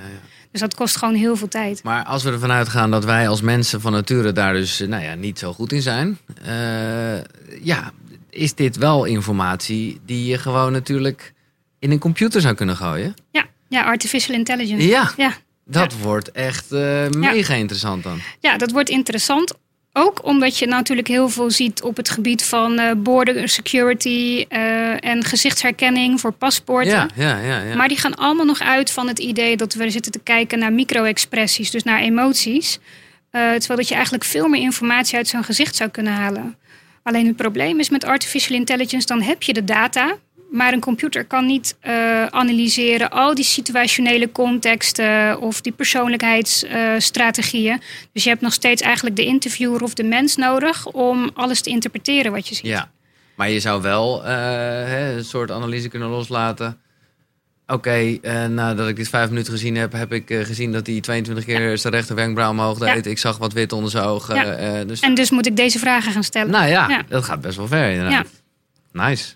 Of, of niet nice, ja. Of, is, eh, Ja, er zijn natuurlijk ook mensen die het kunnen misbruiken. nou ja, je kan natuurlijk ook gaan manipuleren, je kan gaan beïnvloeden. Eh, je kan, hoezo kan je het manipuleren dan? Eh, nou, je, je kan natuurlijk, als jij heel goed kan analyseren, dan kan je een ander mens zo manipuleren dat jij mensen laat praten terwijl ze er bijvoorbeeld nog niet aan toe zijn. Ja, ja, En eh, wij vinden het heel erg belangrijk dat mensen die bij ons worden opgeleid ook een zekere vorm van integriteit laten zien. Dus Maar ik bedoel, dat is toch. eh, Ik neem toch aan dat jij het eh, in reclasseringstijd ook ja, gebruikt hebt. Ja. En Dat zou je manipuleren kunnen noemen. Ja. Maar ja, ja, toch? Dat is, dan was op Ja. elk moment je werk. Ja, maar ja, soms eh, eh, weet je wel wat je doet. Hè? Dus je laat iemand praten en je zit er naar te kijken. En ik heb me soms ook wel afgevraagd, ga ik niet te ver? En daar moet je dus ook continu over reflecteren. Ben ik nog integer? Gaat het om het belang voor het veilig houden van de maatschappij... of het veilig houden van de democratie?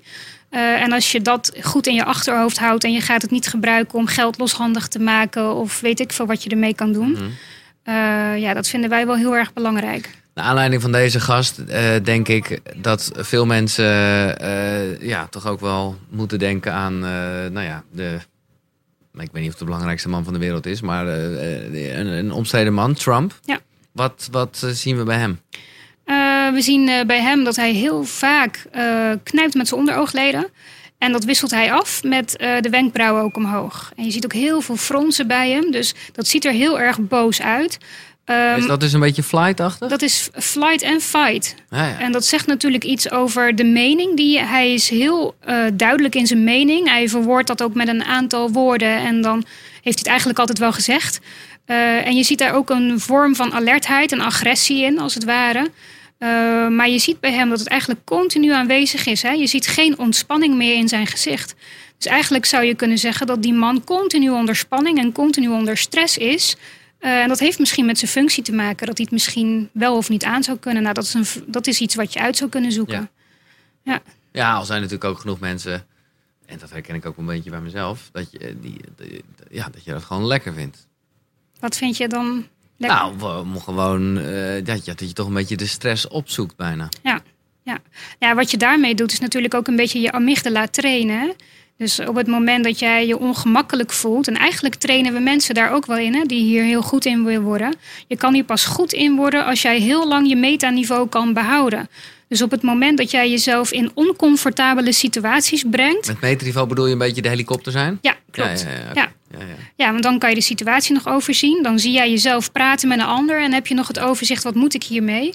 Maar als jij stress ervaart, is dat veel moeilijker. En als jij dus leert met die stress om te gaan door jezelf in oncomfortabele situaties te brengen, ga je dus ook zien dat je meer metaniveau gaat creëren. Maar je moet dus vooral, eh, dat is toch wel een terugkerend thema in deze reeks.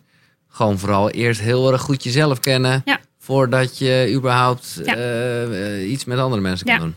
En eigenlijk vinden we dat ook een beetje van alle non-verbale methodes die er zijn. Hè. Dat hoor je dus ook heel vaak. Zulke methodes worden heel vaak als trucje ingezet. Oh, nou weet ik het, want dat Ja. is lekker makkelijk. Daar win ik snel mee. Uh, maar eigenlijk zeggen wij, dat, zo werkt het niet. Het is nog steeds een vaardigheid. Dus je kan wel uh, het gezicht aflezen. Maar of je daadwerkelijk daarmee je doelen gaat bereiken... is heel erg afhankelijk uh, van je eigen zelfinzicht. Weet hoe je zelf in elkaar zit. En goede gesprekstechnieken toepassen. Wat uh, zijn voor jou uh, interessante boeken die. Uh, wat was eigenlijk. Hoe is dit ooit bij jou, dit vuurtje aangegaan? Ja, dat is een goede vraag. Ja, bedankt. Ik dacht, laten we er niet mee beginnen, want hij is iets ja, ja, precies. Um, nou, sowieso had ik al verteld over die televisieserie en ja. over het reclasseringswerk. En daarna ben ik me eigenlijk altijd maar bezig blijven houden met hoe kan je de waarheid uit mensen krijgen. Um, uh, nou, ook in, in het landsbelang, hè, uh, bij wijze van spreken. En uh, um, dus dat maakt ook dat ik daar zelf continu mee bezig ben geweest. Hoe kan je jezelf verbeteren om dat dus ook steeds beter te doen? maar ik ben ook altijd zelf wel een heel observerend persoon geweest. dus als kind moest ik ook observeren. Want dat was belangrijk, omdat ik bijvoorbeeld uh, ouders heb met een uh, psychiatrische aandoening. Ja, ja, ja. ja. dus zeer onder, zeg je dat? nou ja. Ja, als kind is dat, ja, als kind is dat Ja. best onveilig. Dus dan is het heel erg belangrijk dat je goed kan observeren om die situatie in te schatten. En ook om vervolgens weten wat je moet doen om zelf niet in gevaar te komen. Uh, en eigenlijk heeft me dat wel getriggerd. Uh, ja, mijn amygdala waarschijnlijk getriggerd om nou ja, op die manier altijd naar mensen te kijken. En jij hebt een beetje, dat kwamen we ook tegen bij de cursus. Toen dacht ik weer van, wauw, dat is eigenlijk wat je wilt. Tenminste, dat, dat leek mij het ultieme. Uh, hè, waar mensen meestal een beetje in twee dingen blijven hangen met een accent. Mm -hmm. Nou ja, een beetje op basis van uh, de situatie. Hè? Mm -hmm. Je bent uh, flight freeze en misschien nu ietsjes meer flight. Ja. Eh, heb jij juist, ben jij eigenlijk dat vierde type wat van alles een beetje heeft? Ja. Dus net als Cory Booker. Dus ik, Ja. ik laat vooral uh, fight zien. En afhankelijk van de situatie laat ik ook nog flight of uh, freeze strategieën zien. Uh, dat heeft voordelen, want je kan makkelijk schakelen. En het nadeel is, is dat je dus ook heel erg als bewegelijk wordt gezien. Dus mensen hebben niet altijd door uh, uh, nou, wat ik met de situatie wil bereiken. Of ze hebben niet altijd door wat ik eigenlijk, nou ja, waarom ik ze op een bepaalde manier benader. En dat is natuurlijk van mij weer een valkuil.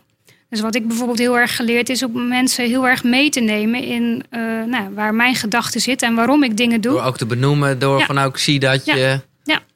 Ja, dus ik heb zelf ook geleerd om veel beter te communiceren met mijn eigen omgeving, omdat ik nu snap waar mijn gedrag vandaan komt, bijvoorbeeld. Ja, ja. Ja. Maar wat ik wilde vragen is, wat eh, zijn voor jou inspirerende boeken geweest? Want op een gegeven moment nou ja, is het duidelijk waar een beetje die liefde vandaan komt. Mhm.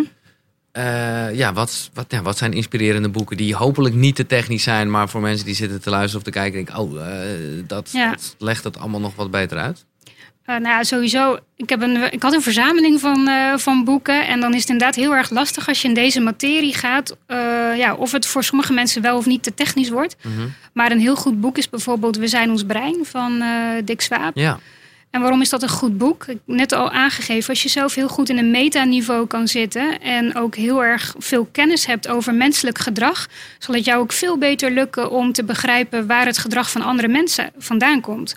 En Dick Swaap, ja, die snapt dat heel erg goed. Die laat ook zien in zijn boeken. Hè. Er is een stukje nature en een stukje nurture. ja. Uh, dat heeft ook weer met het brein te maken. Dus als je begrijpt waar bepaalde aandoeningen vandaan komen, waardoor je bepaald gedrag kan laten zien, dan weet je ook dat het soms helemaal niks met jouzelf te maken hoeft te hebben, maar dat het meer is uh, t- of te maken heeft met hoe een ander in elkaar zit. dat is er eentje zo. Ja, dan, eh, ik dacht, ik had al wel eerder kwam dit boek ter sprake. Ja, Ik denk zelfs dat Ratelband het genoemd heeft, maar dat weet ik niet zeker. Die natuurlijk, nou ja, eh, een beetje in dezelfde materie zit, alleen Mhm. ietsjes eh, algemener. Ja. ja, het is een heel goed boek, denk ik. Ja. Oké, Dick Swaap, welke nog meer? Ehm, als je heel erg in de, in de materie van Inza wil duiken, dan is het ook heel erg belangrijk om te weten waarom be- mensen bepaalde emoties tonen. En dat is een boek van eh, Nico Vrijda en dat heet De Wetten der Emoties. Dat is wel een heel technisch boek en heel moeilijk lezen. Eh, dat komt, hij is professor en hij is een flight, hè, dus hij heeft ook heel veel tekst nodig. Jij kan, jij, jij, jij kan het Ik al kan gewoon lezen je kan het het al boek. lezen. Je hebt Ja, niet eens een beeld nodig. Oké. Ja, maar het is wel een heel technisch boek. Maar het, je gaat wel beter begrijpen waarom bijvoorbeeld jij eh, vanwege bepaalde belangen die jij waarover je zorg wil dragen, eh, ook bepaald gedrag laat zien. En het gaat je ook beter laten begrijpen waarom mensen bepaalde emoties laten zien die jij niet kan begrijpen. En het is een heel dik en eh, groot boek, maar eh, zeker de moeite waard. Oké. Ja. En de laatste? Als we, ik heb Eh, je ge- ja. gewoon drie, vind ik gewoon een mooi aantal. Nou, de laatste is, eh, heeft ook heel erg met mijn huidige werk te maken. Of in ieder geval het werk waar ik laatst in heb gezeten. En ik heb bijvoorbeeld eh, acht jaar lang bij de AVD gewerkt. En wat je daar heel erg leert is dus hoe beïnvloed je mensen zodanig... dat je ook daadwerkelijk informatie gaat krijgen. Ook als het heel erg spannend wordt. Bijvoorbeeld terroristen of spionnen als het ware. Ehm, en mijn mentor, Joe Navarro, heb ik al eerder genoemd. Ja. Hij eh, komt van de FBI vandaan en hij is met pensioen. Maar hij geeft ook heel veel lezingen op dit gebied. En hij heeft een heel goed boek geschreven over hunting terrorists. En eigenlijk, eh, als je het boek leest, dan zie je eh, waar komt eigenlijk terroristisch gedrag vandaan. Dat heeft ook te maken met angst. Hè? Angst voor het onbekende, angst voor een religie of een geloof dat anders is dan van jezelf. Ehm, en op het moment dat jij daar eh, haat over gaat tonen over de religie van een ander, dan zie je dus dat dat ook het gedrag veroorzaakt. En waarom ik die heb gekozen is. Sorry, sorry, dit ging maar even te snel. Dat dat ook het gedrag veroorzaakt. Ja, dus je hebt twee religies. Een terrorist die, eh, die, die eh, is ervan overtuigd dat, Eén, ja, dat ja, ja. Nou, de, de hele maatschappij op deze manier moet gaan leven. En op het moment dat een religie anders is dan dat van hemzelf, dan heeft hij daar angst over, omdat hij dat niet kan controleren. Dat begrijpt hij niet. Eh, maar hoe hou je dat vast? Door ook een bepaalde vorm van haat te gaan ervaren en te gaan voelen. Als je begrijpt wat die tendensen zijn van dat gedrag, dan kan het ook zijn dat jij minder, zelf minder angst en haat gaat voelen en ervaren. Waardoor je veel beter in staat bent om te beslissen: ja, moet iemand wel of niet het land uit worden gezet? Want je hebt niet de informatie of iemand daadwerkelijk geradicaliseerd is of niet. En dat kan je eigenlijk in alle contexten plaatsen. Dus, Dus, je, eh, dus, dus haat is eigenlijk gewoon eh, een manier om angst weg te... Ja. Op het moment dat je haat ervaart en haat voelt, dan hoef je aan een ander niet meer te laten zien dat je eigenlijk angst ervaart. Nee. Eh, en En als, niet eens naar je ander. Waarschijnlijk is het in je hoofd werkt het al gewoon Ja. een soort geruststellend. Of anders heb je dat gewoon ja, en Joni Farrow legt dat heel goed uit. En hij legt ook uit hoe je daadwerkelijk dan wel eh, iemand aan het praten krijgt. Ook al ervaart hij heel veel angst, ook al ervaart hij heel veel haat. Eh, om te zorgen dat jij de ander gaat begrijpen en zo'n terrorist wel de informatie gaat geven. Maar kan je daar een klein eh, eh, tipje van de sluier hoe, dat, hoe ik dat voor me zou moeten zien? Hoe je ja, iemand op zijn gemak stelt die gewoon, ja, Mhm. mijn inziens, gewoon helemaal verkrekt is. Of Ja. dan, ja, die gewoon zijn eigen wereld heeft geschapen met dus heel veel Ja. haat. Ja, je hoeft het ook niet zozeer naar een terrorist eh, te vertalen, maar je kan het ook naar een crimineel erva- eh, vertalen. hè, Die bijvoorbeeld iemand vermoord heeft en dat gewoon niet wil zeggen. Eh, maar op het moment dat jij je daadwerkelijk gaat verplaatsen in waarom heeft iemand een bepaalde daad uitgevoerd of hè, dat hij daarvan verdacht wordt, dan moet je dus ook in dat denkpatroon van zo iemand gaan zitten. Ja. Dus dan zeg je eigenlijk, ja, ja in jouw geval, jij, jij ha- eh, nou, zit helemaal in deze religie. Jij, jij denkt vanuit God dat jij op deze manier moet gaan handelen. Maar hoe heeft Allah dat dan bedacht? En wat heeft hij daarover ges- eh, laten opschrijven in, in de Koran? Eh, dus dat je heel erg in die gedachtenstroom gaat zitten. En dan merk je dat iemand ook gaat ontspannen en minder alert is op: oké, ze willen me pakken, want ze willen me eh, Omdat veroordelen. door het begrip of eh, dan, dan zijn de sluizen even open. Ja, ja, en dat is eigenlijk wat je nou ja, bij een terrorist kan veroorzaken, maar ook bij een, een, een nou ja, tussen haakjes normale crimineel. Of bij iemand die eh, altijd maar zwijgt over zijn delict. Of nou ja, noem het Ja. maar op. Nou ja, Ja. maar misschien dus zelfs wel gewoon vanuitgaande dat de meeste mensen niet eh, met deze dingen bezig zijn. In een normaal gesprek. Ja, het is ook een beetje een open deur, maar is je dus verplaatsen in iemand anders. Ja. En dat ook Ja. eh, ja, uitdragen. Ja.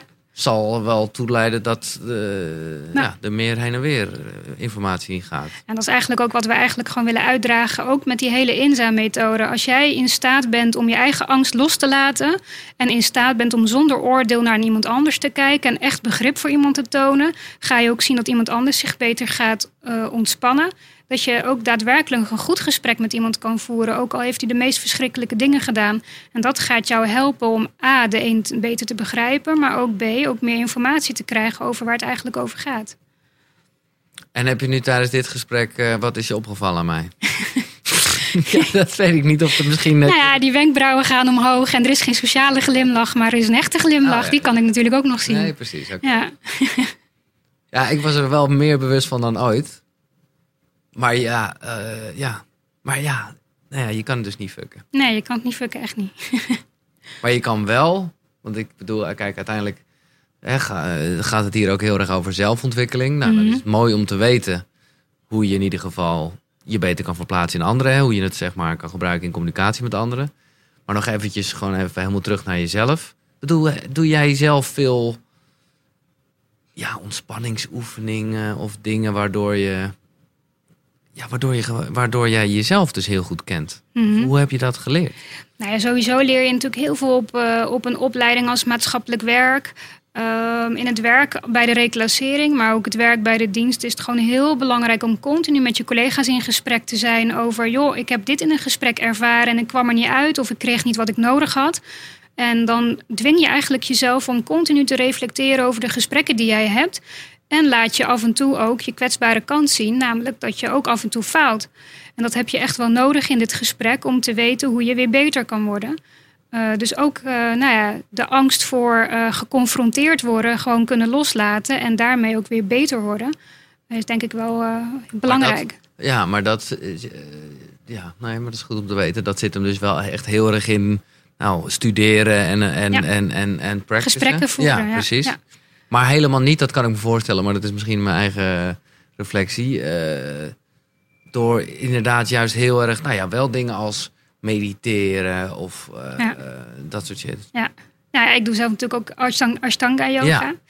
En dat helpt mij wel, want dat is heel fysiek. Want ik ben hè, dat fight-type. Ik heb actie nodig. En Ashtanga yoga is een hele bewegelijke vorm van yoga, waarbij je eigenlijk eh, fysiek als het ware uitgeput wordt. En daaronder ervaar je dan uiteindelijk de rust om ook te kunnen reflecteren of rustiger te worden in je hoofd. En dat heeft mij heel erg geholpen Ja. om eh, ja, focus te houden. Nou ja, ook omdat eh, in hoeverre je jezelf kan lezen, maar dat, dat, dat leer je er wel een beetje van. Ik heb het daar veel met mijn beste vriend over, die vroeger altijd heel erg aan die yoga was en op een gegeven moment het los heeft gelaten, maar doordat ik zelf nu heel erg weer, of dat het, dat- doordat ik er nu geïnteresseerd in ben, heeft hij het ook weer eh, een beetje opgepakt, wat ik echt grappig vind. Want nu kunnen wij het er ook over hebben en merk je dus ook dat als je gewoon niet lekker in je vel zit of er is gewoon iets, ja, je kan ineens eh, bepaalde oefeningen kan je niet meer. Ja, ja. Ja, Eigenlijk heeft dat ook met dat fight-flight-freeze gedrag te maken. En want als je kijkt naar wat een flight bijvoorbeeld nodig heeft, hè, dus eh, structuur, duidelijkheid, eh, wat er gebeurt als hij het niet ervaart, is dat hij ook eh, gespannen wordt in zijn lichaam. Dus dat lichaam wordt ook heel stijf, dat wordt heel strak. En wat er dan gebeurt, is dat je dus ook letterlijk in je lichaam niet meer zo flexibel bent. En dat is eigenlijk een soort van metafoor. Dus op het moment dat je in je hoofd niet flexibel bent en dat dus ook fysiek eh, minder flexibiliteit veroorzaakt, zou je ook kunnen reflecteren over: oké, wat betekent dat dat voor mijn omgeving? Hè? Ervaart hij mij ook als minder flexibel? Ja. Eh, of rigide of wat dan ook. Dus het geeft eigenlijk een één op één metafoor. Dus nou ja, Maar, ja, nee, maar terug naar het begin dan. Eh, hè, dus zoals wij ook in aanraking kwamen, maar daar eigenlijk later niet echt heel veel mee over gehad hebben. Ik ja, ben daar nog steeds eigenlijk slecht in, moet ik eerlijk zeggen. Maar ik, ben- ik ben nog steeds aan het trainen. Maar ben slecht in staat om mijn hele lichaam, nou zeker mijn buikspieren, waar, Ja. waar die video met name over ging, mhm. om dat eh, te controleren. En eigenlijk zeg jij nu dus, nou dat zegt al genoeg. Nou ja, dat heb ik dus gezien. De combinatie van hè, jouw, jouw vriesgedrag maakt dat jij heel erg alert bent en heel erg rekening wilt houden met de gevoelens en emoties van iemand anders. Ja. En eigenlijk als het ware daarin jezelf ook kan vergeten. Ja. En wat er dan gebeurt is dat je dus minder in contact bent met je eigen lijf. Ja. En dat is ook eigenlijk precies de reden. Want je liet zien, nou ja, ik kan mijn buikspieren niet aanspannen. En ik zit naar een freeze te kijken. En ik denk, hé, hey, misschien moet ik gewoon eens contact opnemen. Ja, Eh, want dat is precies waar het dan over gaat. Ja oké, maar hoe, eh, hoe dit op te lossen dan? Nou ja, eh, we doen yoga toch? Nee, ja, zeker. Maar dat al, want als je dan dus meer in contact bent met jezelf.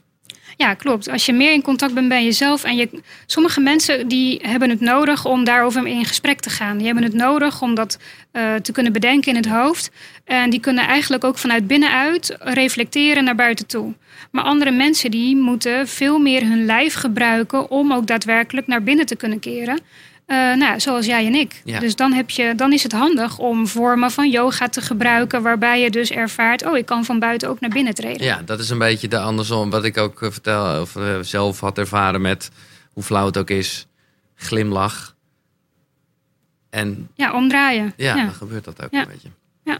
Is, er nog, is het zo dat hier gewoon veel meer informatie over bekend is de afgelopen jaren? En, en, en gaan we hier, nou ja, zeg maar, in de toekomst veel meer mee bezig zijn? Of is dit ook weer iets wat eh, alle oude eh, mensen in India al lang wisten? Of hoe, hoe- wat is de status eigenlijk? Ehm, nou, wat heel grappig is, nou, vanuit de yoga, en ik heb zelf dan ook echt een yoga-opleiding gedaan, ehm, is dat de Ayurveda daar af en toe ook al wat dingen van laat zien. Hè? Dus dan noemen ze fight, flight, freeze, dat, dat is wat wij noemen. En Ja. zij, Zij is er met water en vuur en die ja, eh, pitta, vata en kappa. Ja, ja, ja. En ik zie heel veel kappa-eigenschappen in eh, freeze.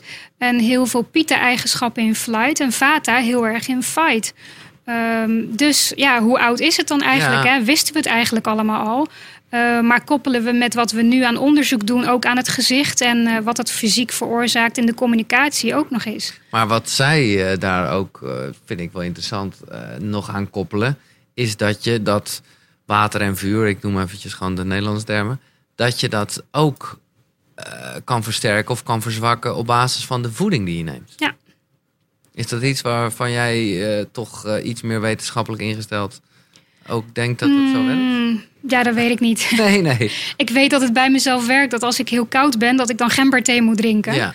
Ehm, en dat maakt me ook rustiger. Ja, of dat dan daadwerkelijk met stofjes in de voeding te maken heeft, of omdat jouw fight wat minder alert wordt, geen idee. Ja, iets wat je uit kan zoeken. ja. Dat mag een andere wetenschapper doen. Terwijl ik zit te denken, denk ik, nou, het is blij, het is goed dat eh, de cola op is, want dat is eh, niet zo goed. Weet ik, ja, toch? ja. Eh, de cafeïne toestand. Eh, eh, zijn er toevallig nog vragen? Want dan is dit het moment. Nee, dat kan ook later en dan kan ik dat wel echt naar jou toesturen. Maar ik denk, denk wel, tenminste dat hoop ik, ik, ik zelf ja, had er gewoon nooit zo bij stilgestaan. Maar ik denk dat nou ja, veel mensen vragen zullen hebben. En zo'n cursus, nou ja, het is voor iedereen interessant. Dat is, dat, dat Ja. doen jullie, gaan jullie gewoon nog meer regelmatigere basis doen. Ja, ja, mensen kunnen zich open inschrijven bij ons. En er zijn ook heel vaak bedrijven die bij ons aankloppen om dan in teams eh, met elkaar aan de slag te gaan. Eh, ja, en mensen zijn welkom om daar meer informatie over te Ja, krijgen. ik zal Ja. een linkje ook in de beschrijving zetten. En nogmaals, je kan ook gewoon mij een mailtje sturen. Ja. Eh, ja, ik, ik, ik probeer, want dat is natuurlijk waardoor ik het ook interessant vond. Want ik dacht, ja, jij kan mij lezen, maar hoe vet is het als ik dit ook kan toepassen? En hier iemand tegenover mij zit en ik denk, oh, dit is eh, toch duidelijk een flight persoon. Ja. Dus dan ga ik eh erop anticiperen. Ja. Alleen iets minder wegkijken, Giel. Dan Ja, vooral die informatie. Want, ja, ja, zo ja. Maar vroeger, dat wil ik dan nog wel gaan zeggen. En dat is niet om het voor mezelf goed te praten. Maar dat leerde ik. Ja, eh, bij de lokale omroep hadden we zo'n interviewcursus ding. En ik zal het nooit vergeten, daar was ik ook blij mee namelijk. Dat dat ook een truc was om weg te kijken. Omdat mensen dan. Maar ja, misschien kan je niet zo algemeen praten. Het geldt voor bepaalde mensen. eh, dachten van, hé, hey, eh, waarom kijk je niet naar me? Ja. Dus die zouden dan Het triggert gedrag. meer informatie geven. Ja, precies. Ja. Ja. Maar goed, tegelijkertijd, ik snap wat jij zegt. Dan, dan kan je niet iemand lezen. Nee, het is afhankelijk van de context ook, hè? Weer. Dus ja, welke type zegt dat ik keek je jou? best wel veel aan. Ik was er nog Ja, heel ja, ja, ik echt meer dan ooit. Ja, gaat goed. Bedankt. Eh, maar eh, nu begint het weer ongemakkelijk te worden. Ja, Dus ik eh, maak er een eind aan. Ja, is goed. Super dank. Ja, jij ook. Dit was Koekeroe. Tot de volgende.